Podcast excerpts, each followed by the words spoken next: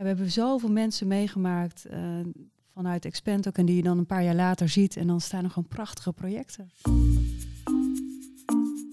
Welkom bij Eva's podcast Vrij om te leiden. Luister jij graag naar deze podcast? Join onze community en betaal slechts 25 euro voor een jaarabonnement op het Eva magazine.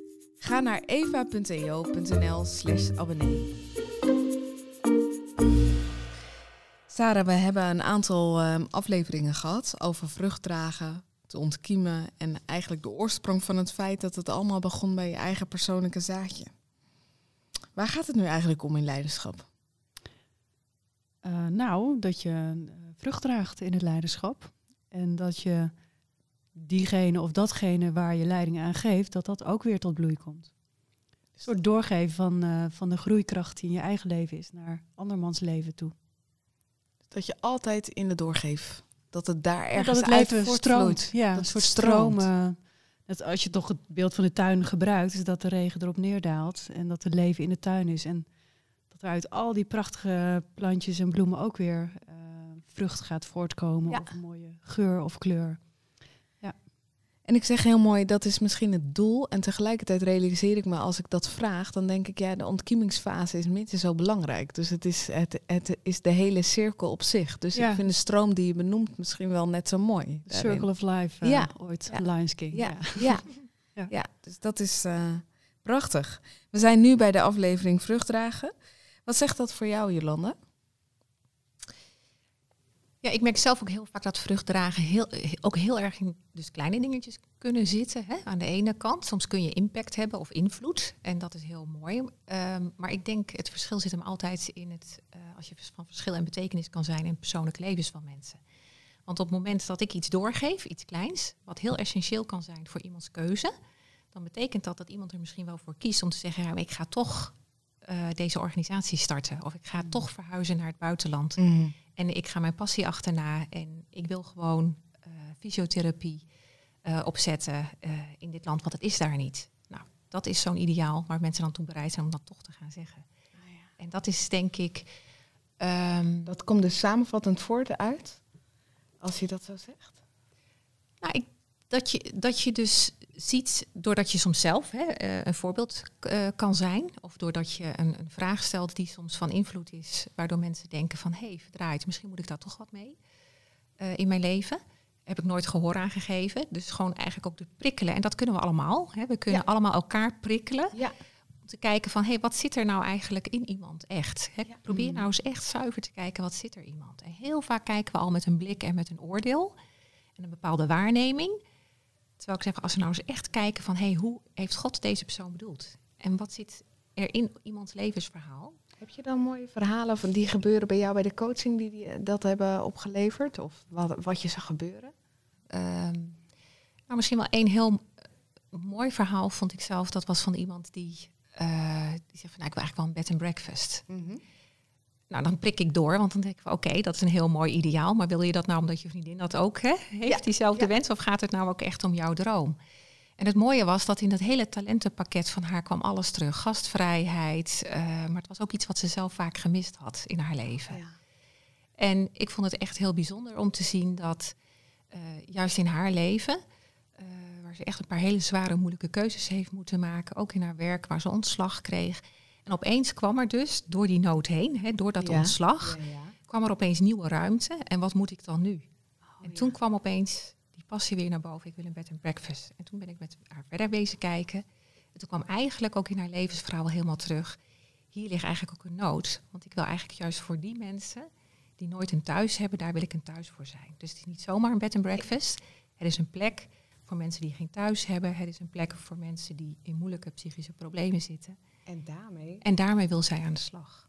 Maar daarmee kwam ze ook helemaal terug naar de, ja, de, de call of her life, zou ik bijna zeggen. Ja, en natuurlijk kijk ik dan ook realistisch. Dat moet ook. Niet alleen idealistisch, nee. ook realistisch. En dan kijken van, nou, heeft iemand dan ook ondernemerschap in zich? Ja, hè? ja het is een beetje jammer als je maar alleen maar op dat, wordt dat kan, ja. hè, want dan moet je misschien een partner zoeken met wie je dat samen doet.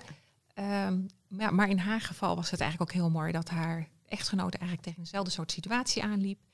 En ja, hun talentenpakket paste ook gewoon heel goed bij elkaar. En toen hebben ze het samengevoegd? Dat hebben ze mm. samengevoegd en ze zijn samen dat gaan starten. En daar dragen ze enorm veel vrucht mee, kan ik me voorstellen. Ja, en dat breidt zich ook nog steeds uit, want ze krijgen steeds meer ideeën. Hè? Zo van, Ja. Hoe kunnen we ook mensen toerusten? Dus er komt ook een hele tak bij. Van hoe kunnen we dat ook met geloof doen? Hoe kunnen we mensen inspireren? Eh, Dus wat iets wat klein is gestart, wordt dan vanzelf groter en groter en groter. Maar ze sprak wel haar hart uit. Dat is wel een essentieel onderdeel, Sarah, kan ik me voorstellen, in uitspreken van je hart Ja. dan ook. En soms dwingt het je leven je daartoe op een moment waar je eigenlijk niet op zat te wachten. Dus dat je die baan kwijtraakt. Of, eh, ja, en, en dat is ook de reden waarom mensen dan bij ons komen met coaching. Maar dan denk ik, oh, dan knipper ik nog een keer met mijn ogen. En dan, eh, ja, dan word ik ook uitgedaagd om nog een keer te kijken van wat ligt er nu aan goud eh, in dit leven wat ik nu ook voor mag zien. En dan kun je in één keer hele andere puzzels gaan maken met elkaar en schuiven. En dan ja, we hebben zoveel mensen meegemaakt eh, vanuit Expand ook en die je dan een paar jaar later ziet en dan staan er gewoon prachtige projecten. En dan is gewoon één moment is toch eh, het moment geweest van hé, hey, ik word stilgezet in het leven. Eh, wat ligt er op mijn leven? Wat is er in mijn leven? Wie is er ook naast mij? Hè? Wat, kan mijn partner? Ja, en, en, en wat voor vrucht daar dan achter zit, dat hou je niet voor mogelijk op het moment dat je op moment één in een coachinggesprek zit. Nee, dan ben je dus eigenlijk aan het jezelf op een Tuinieren. ander... Ja, je bent aan het tuinieren. En je bent ook ergens aan het verpotten van de ene plek naar de andere plek. En, Ja. ik, en daar komt dan in ene toch wel heel veel vrucht voort. Of je Ja. krijgt dan nieuwe ruimte. Ja. Dat komt zo mooi terug in het verhaal van jou, Jolanda. En het is dan aangaan wat je hebt. Ja, en ook de tuinman, denk ik, uitnodigen. Want Ja? Dat is wel, hè, want die hebben we nu nog even vergeten in het hele verhaal. Ja. Hè? Eh, God als, als tuinman, Jezus de tuinman, hè, Ja. die ook in die hof van Gethsemane is. Ja. En dat is eigenlijk een heel mooi iets dat ik ook soms merk, dat je dan heel dicht bij mensen kan komen. En zeker als we ook christelijk zijn, dat we ook met hen bidden. En ook kijken van waar, wat is er ook de roeping die ook op jouw leven ligt. Hè? Dus soms ook juist door die pijnmomenten heen, maar welke roeping ligt er ergens daarachter? Wat bijzonder. Want dan, dan ga je eigenlijk verder dan jezelf. Maar dan kijk je dus weer naar de, nou, de- naar de scheppingskracht. Naar degene die ook met jou meewandelt. Ja. kent. Ja, en waar Ja. ben je in geïnspireerd? Waar ben je ook misschien door God aangesproken? Hè? In de Bijbel door een woord? Ja, dat zou kunnen. Wel. Dat zijn een paar hele mooie dingen die je geeft. En wat, ont, wat, wat ontstaat er dan? Wat geeft dat aan je als je op het moment dat je durft te verplaatsen? En wat, wat geeft dat aan je op het moment dat je, ja, dat je zo'n tuinman durft te vragen? Ehm, verandert dat je leiderschapstijl? Dat is wat ik wel heel vaak zie. ja. Ik Ja? denk ook dat het niet anders kan. Want soms zie je mensen ook echt veranderen. Ja. Ik heb het ook als leidinggevende gehad die soms in hele lastige situaties zaten. En dat ze eh, misschien ook vanuit hun karakter soms dingen hebben gedaan die niet kunnen. Ja. En eigenlijk daarin dan ook zeggen, we willen ook een andere koers. Ik wil echt ook een andere vorm van leiderschap eh, uit gaan dragen. En dat heeft te maken met je houding en met je karakter. Dus zich ook willen laten vormen Ja. om ook nou, ethisch leiderschap zeg maar, op zich te nemen. En dat is natuurlijk een hele andere vorm. Dat is een hele andere vorm. Want even kort, dat is een eh, kleine uitstap. Want je kan dan leider zijn. Dan merk je op een gegeven moment, ik loop tegen punten aan. En dat kan waar dan ook zijn. We hebben leiderschap gedefinieerd in allerlei vormen. Groot, klein, situaties, dichtbij, ver weg. Maar dan kun je merken van, oh ja, ik doe eigenlijk dingen ja, die indruisen tegen mijn eigen gevoel van wat goed is. Of tegen mijn eigen waardes. En jij zegt net, dan kun je dus de mogelijkheid hebben om dat weer aan te passen met hulp van anderen. Klopt Ja, dat? ja. Hoe gaat dat dan? Of wat, wat merk je dan bij jezelf? Je noemt dan woord als houding, maar wat, wat, wat voel je dan bij jezelf?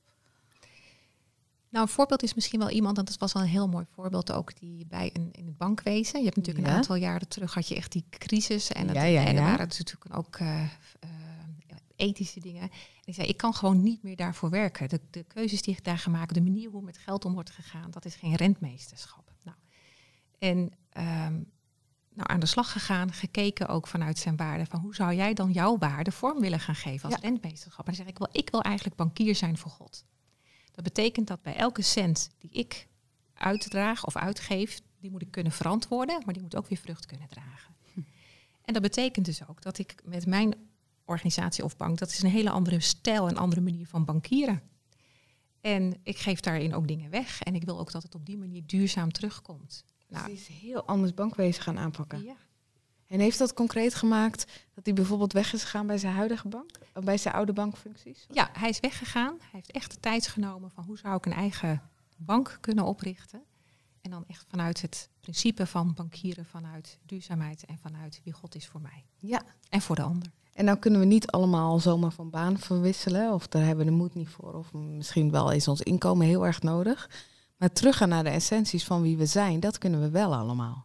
Ja, en we kunnen het, en dat is misschien ook leiderschap. Hè, dat als we soms zien in een cultuur, in een organisatie, dit loopt niet goed, dit gaat niet goed, of dit druist tegen allerlei dingen in. Maak je het dan ook bespreekbaar? Durf je dat? Ja, ja. Dus Want dat kan ook een koerswisseling geven, zeg maar, in een bedrijf. Doordat jij de stap neemt. Of in een team. Ja. Prachtig. Um, nou bestaat er zoiets als veerkrachtig leiderschap. Wat is dat? Kun je nog iets meer zeggen over veerkrachtig leiderschap? Ja, een van de dingen die wij wel veel terugzien is op een gegeven moment, zeg maar, bij, hè, als, dan heb ik het echt ook over leiders of teamleiders, bijvoorbeeld ook in de zorg. Mhm. Ehm, dan op een gegeven moment, zeg maar, zit je op die plek en dan uh, komt er toch iets van prestatiedrang of door de organisatie of alles wat er om je heen zit. En dan ga je heel erg vanuit dat gedrag ga je gewoon ook je leiding uh, geven. En om dingen goed en gezond in evenwicht te houden, heb je eigenlijk ook wel nodig dat je ja, vitaal blijft. Hè? Dus dat je ook zorgt dat je gevoed wordt en dat je ook uh, er kunt zijn voor je medewerkers. Als je alleen maar een leider bent die onder stress staat, dan draag ik dat over. Ja. En dan worden mijn medewerkers worden ook gestrest. Ja. Dus het is echt belangrijk hè, dat je juist misschien ook wel om te blijven groeien, um, om ook te zorgen dat je zelf ook veerkrachtig blijft. Ah ja. ja. Nou, en dat is een, uh, Aaron Antonovsky, dat is eigenlijk een hele belangrijke onderzoeker geweest op dat gebied. Mm -hmm. En die heeft eigenlijk vooral ook gekeken van uh, ja, hoe werkt dat nou eigenlijk? En op basis daarvan hebben wij ook bij Expand een veerkrachtscan ontwikkeld. Die kun je trouwens bestellen bij ons op de website, mocht Mhm. je dat willen. En er zijn zeven veerkrachtfactoren. En als je die zeven voldoende aandacht geeft, dan zul je ook gaan zien dat je meer vrucht kunt gaan dragen. Want ergens is dan het energieniveau, hè, als je op één ding richt, alleen maar op prestatie, Ja. dan kan ik mezelf ook helemaal uitputten. Hè, als ik maar blijf hardlopen, blijf Ja. hardlopen, ik neem nooit pauzes, Ja. ik ga nooit eens een keertje drinken, Ja. nou, dan stort ik misschien wel in. Dan raak ik burn-out. Dus de kunst is dat je verdeelt, dat je niet maar eentje goed kan, maar dat je het zijn verschillende factoren die je met z'n allen goed moet kunnen.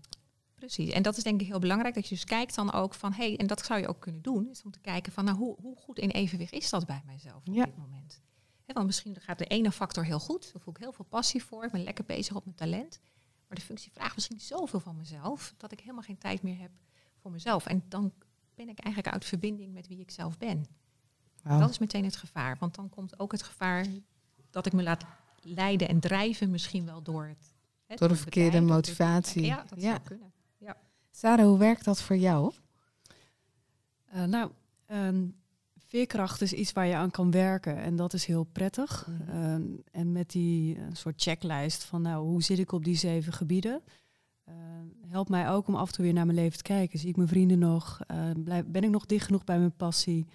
Ehm, ben ik nog realistisch in mijn idealen?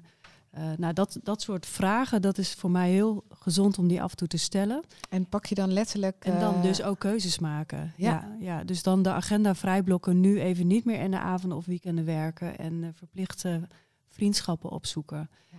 Ja. Ja, of naar een museum of dingen waar ik blij van word en waar mijn vaatje gevuld van blijft. Want ik Stel kan me niet. dan zo voor dat je dan een avond gedoucht hebt en op de bank zit en dat je dan zo'n lijstje pakt. Klopt dat? Of doe je dat juist eh, op vaste momenten één keer in het jaar? Wat, wat, Nou, eh? Dat is natuurlijk het allerbeste als je vaste momenten hebt van een soort APK. Van nou, hoe gaat het allemaal nog? Ja. Maar eh, ja, in mijn leven gebeurt het helaas ook iets te vaak als ik al iets te weinig veerkracht meer over heb. Dan denk ik, oh, de wagen gaat piepen en kraken. Hoe zat het ook alweer? Oh, ik heb me echt heel erg verloren in te hard werken bijvoorbeeld. Oh ja, ja, ja. Ja. dus dan Ja. is het toch wat organischer. Ja, de reality checks van, van, Ja, het, van het eh, leven. Van het leven, ja. Ja. ja. Ik zou zo graag Jolanda nog één keer één tot en met zeven gewoon opgenoemd willen hebben. We hebben gehoord dat het eh, zeven stappen zijn. Wat zijn de zeven stappen? En kun je ze gewoon kort opnoemen wat het zijn? Ja, dat begint eigenlijk bij verzoend verleden. Hè? Dat is die Ja. oefening, zou je kunnen zeggen, als je naar je eigen tijdslijn ook eh, kijkt. Hè? Die hebben jullie ook eh, gedaan. En, eh, Dus daar begint het eigenlijk. En nummer twee? En nummer twee is realistisch optimisme. Mhm. Dus dat je ook vol goede moed bent. Maar dat begint eigenlijk al bij openstaan. Durf je eigenlijk ook nieuwe ervaringen aan te gaan en die ook te ontwikkelen. En ehm, ja, oplossingsgerichtheid, dat kun je ook leren. Je Dat is nummer drie. Dat is nummer drie. Dus je kunt negatief denken, maar je kunt ook proberen om in oplossingen te denken. En dat is eigenlijk dat je denkt van nou, ik kan in één scenario denken, maar ja, als dat natuurlijk vastloopt, ja, dan heb ik eigenlijk een probleem. Dus ik moet weer een brede proberen te Misschien denken. moet ik wel breder kijken van hé, hey, wat zijn de mogelijke scenario's? Als één dan niet doorgaat, heb ik altijd nog een plan B. Ik hou van plan B's. Nummer vier. Nou, nummer vier is natuurlijk werken met je talenten. Hè? Dus wat zijn de dingen waar je energie uit haalt? En eh, nou, wat ik ook heel vaak wel zie, is dat mensen in een functie zitten. Ehm, de organisatie groeit, het bedrijf groeit. En eigenlijk past de functie niet meer. En het wordt een ander beroep gedaan op een ander talent. Maar ja, die heb ik niet in huis. Dus dan kost me dat heel veel energie. Ja, dat is heel heftig, want je was zo goed op die plek, denk Ja. ik dan. Precies. Ja. En dan is het dus belangrijk om je te kijken van... oké, wat is hier nou eigenlijk in die tijdslijn in de organisatie misschien veranderd? Hé, hey, misschien past deze functie in deze rol niet meer. Ja. Dus misschien moet ik inderdaad wel verkassen... zodat mijn talent weer opnieuw tot ontwikkeling kan komen. Ja. Nummer vijf. Ja, die is minst leuke, hè, discipline. Tenminste, ik merk zelf Oh, dat ik daar ook wel wat dat is eh, echt mee heb. Sporten en bewegen en Misschien slapen. zit iemand, een heel gedisciplineerd iemand nu te luisteren en die denkt, joepie. Ja, die denkt misschien van, nou, dat heb ik in ieder geval op orde. Ja. Maar over het algemeen zie je toch wel, discipline, dat is erg, heeft te maken met pijn. Dat is een beetje pijn. Oh ja? We moeten namelijk iets namelijk even niet doen. Ehm, slapen bijvoorbeeld.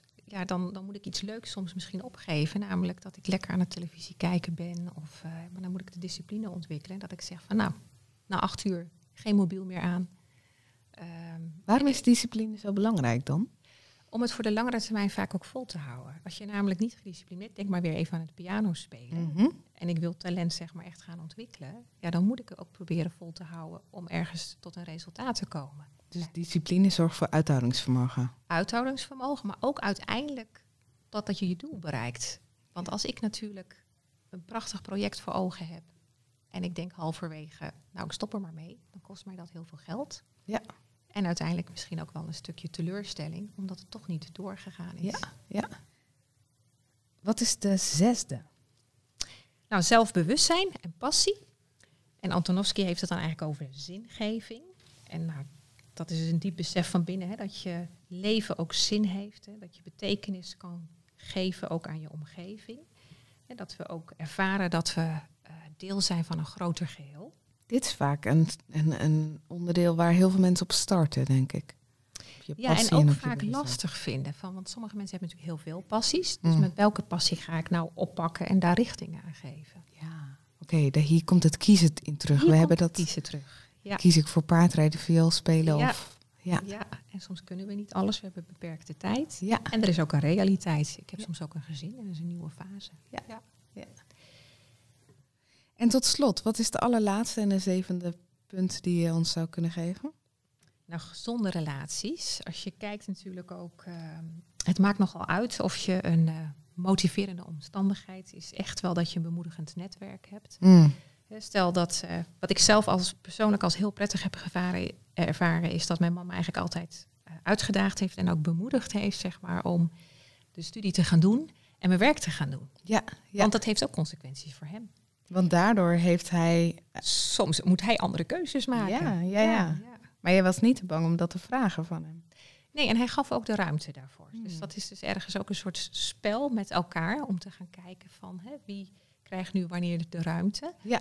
En eh, nou, het kan dus zijn dat je daar zelfs wel afspraken over maakt. Dat Ja. je zegt van nou, dit jaar is voor mij hè, om een cursus op te pakken. Jij Volgend mag jaar ben nu. ik, nu mag jij. En dat je elkaar daarin uitdaagt Ja. en ook eh, toestemming geeft. Ja. Sarah, wie gaf jou toestemming? Wat je heel waardevol hebt gevonden? Eh, nou, daarin is ook mijn man een hele belangrijke. Eh, die zei van nou, eh, dat vrouwenleiderschap, dat vind je zo ontzettend leuk. Eh, ga er maar even lekker voor. Ga maar wel eh, die dure cursus doen. Eh, Ja. Nijrode, ga maar, ga maar wel doen. Durf me even geld uit Ja, te geven. Doe, doe het maar wel. Ja. Ja. En dat had ik echt Wat wel lief. nodig. Ja, echt Ja. super lief. En ook heel blij dat als ik dan enthousiast weer thuis kwam van elk college, dat zei, en hoe was het? En dan zei ik, het was fantastisch. Ik heb dit en dit en dit geleerd. Nou, en dan die glans in zijn ogen is natuurlijk ook voor mij eh, super om te zien en daar samen gelukkig van te worden. Dat, eh, Ja. dat is een cadeau. Ja. Ja. Dus het wederzijds steekt het elkaar dan ook aan. Ja, ja, en zo heeft hij ook zijn passies waar ik ook heel veel plezier aan beleef dat hij daar ook uitgebreide tijd uh, voor heeft. Wat gaaf zeg. Ja. Wat mooi als je je passie volgt dat dat automatisch iets van sprankeling geeft voor jezelf ja, en, ook voor van een samen. ander. Ja. ja. Hebben we nog een opdracht? Daar hou ik van. Nou, het zou denk ik heel leuk zijn om bijvoorbeeld de verkorte veerkrachtscan in te vullen die in het werkboek zit. En om eens bij jezelf na te gaan van nou, hoe scoor ik nou eigenlijk daarop? Mm. En mezelf misschien ook eens toe te staan van oké, nou misschien kan ik die cursus eens gaan doen. Of misschien Ja. moet ik juist wel eens even wat geld opzij zetten, zodat ik volgend jaar misschien een bed ook al kan doen. Omdat ik zo graag eens een keer aan dit project wil werken. Dus ruimte te geven voor je eigen groei. Ja, Of voor je eigen vrucht dragen. Ook dat. En dat Ja. is niet alleen maar nemen, maar soms moet je zelf eerst even geïnspireerd en gevoed worden. En dan vervolgens zeg maar, kun je het ook weer uitdragen. Bijzonder.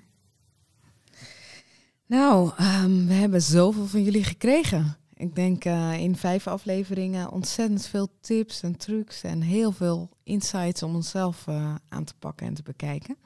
Is er nog een hele mooie uitsmijter die je zou kunnen ge- geven, Sarah? Als uitsmijter zou ik mee willen geven dat je jezelf elke dag weer uit weet te dagen. Eh, neem één risico per dag, waarbij je zowel je hoofd als je hart inzet. En, eh, ja, en doe het vooral niet alleen. Heb er lol in. Heb plezier in het ontdekken van wie je bent, waar je potentie ligt. Eh, vind een vriendin of een vriend of een coach desnoods of juist. En geniet van het avontuur om het leiderschaps-DNA in jou te ontdekken en te ontwikkelen tot volledige groei. Gaaf. Super bedankt. Sarah bedankt. Jolanda bedankt. En eh, Graag gedaan. we zijn opgebouwd. Tot ziens. Heb je genoten van deze podcast?